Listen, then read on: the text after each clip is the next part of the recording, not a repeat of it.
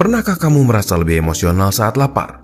Pada bulan suci ini, kita bukan hanya berpuasa secara fisik, yaitu dengan menahan nafsu makan dan minum, tetapi juga secara mental, yaitu menjaga emosi. Tetapi menahan emosi saat lapar terasa lebih sulit untuk beberapa orang. Kira-kira apa mekanisme di balik peristiwa ini?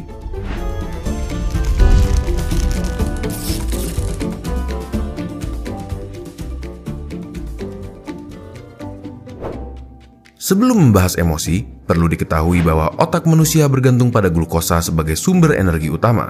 Pada orang dewasa, berat otak hanya menyumbang sekitar 2% dari total berat tubuh, tetapi organ ini mengonsumsi sampai 20% dari total energi yang dihasilkan oleh glukosa. Sehingga dalam keadaan berpuasa di mana kadar gula darah menurun, tingkat atensi atau perhatian juga berkurang karena otak sedang tidak prima dalam menerima ataupun berfokus pada informasi. Di dalam otak, terdapat suatu struktur bernama hipokampus yang mendeteksi rasa lapar, dan dekat dengan struktur ini terdapat juga amigdala yang berfungsi sebagai pengatur emosi. Bersama dengan struktur lainnya, mereka bergabung menjadi sistem limbik yang juga disebut otak primitif, yang berfungsi untuk meregulasi emosi, memori, dan hawa nafsu. Lagi-lagi, peran glukosa sangatlah penting sebagai penyumbang energi untuk mengontrol emosi. Jika menelaah lebih dalam lagi pada aktivitas kimia dalam sel saraf, terdapat perubahan neurotransmitter selama kita berpuasa. Pada saat makan, gula darah yang naik meningkatkan pelepasan serotonin di otak, yaitu senyawa bahagia, dan dalam keadaan sebaliknya, jika gula darah turun, maka pelepasan serotonin berkurang. Kekurangan serotonin tersebut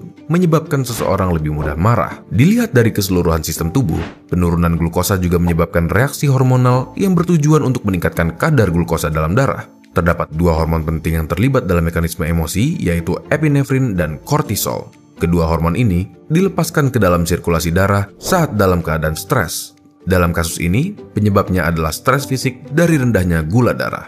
Di antara kedua hormon ini, keberadaan epinefrin dapat membuat seseorang lebih emosi. Selain itu, hormon epinefrin bersinergi dengan kortisol membentuk fight or flight response yaitu reaksi yang terjadi sebagai respons terhadap stres demi bertahan hidup sebagai bagian dari psikologi evolusi yang dibutuhkan pada masa dulu. Pada masa sekarang, respons ini bermanifestasi dalam bentuk kemampuan untuk mengontrol diri yang berkurang dalam bidang kebiasaan menghindari kebiasaan buruk seperti merokok, mengatasi stres, tindakan impulsif, dan sifat agresif.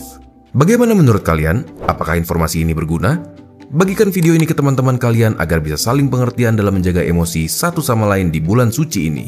Jangan lupa untuk subscribe demi mendukung keberlangsungan channel ini. Jika ada topik yang kalian ingin kami bahas, kalian bisa tulis di kolom komentar untuk kami lihat. Seluruh tim Neuron mengucapkan selamat menunaikan ibadah berpuasa kepada saudara-saudara kita yang sedang menempuh bulan Ramadan. Terima kasih dan sampai ketemu di video berikutnya.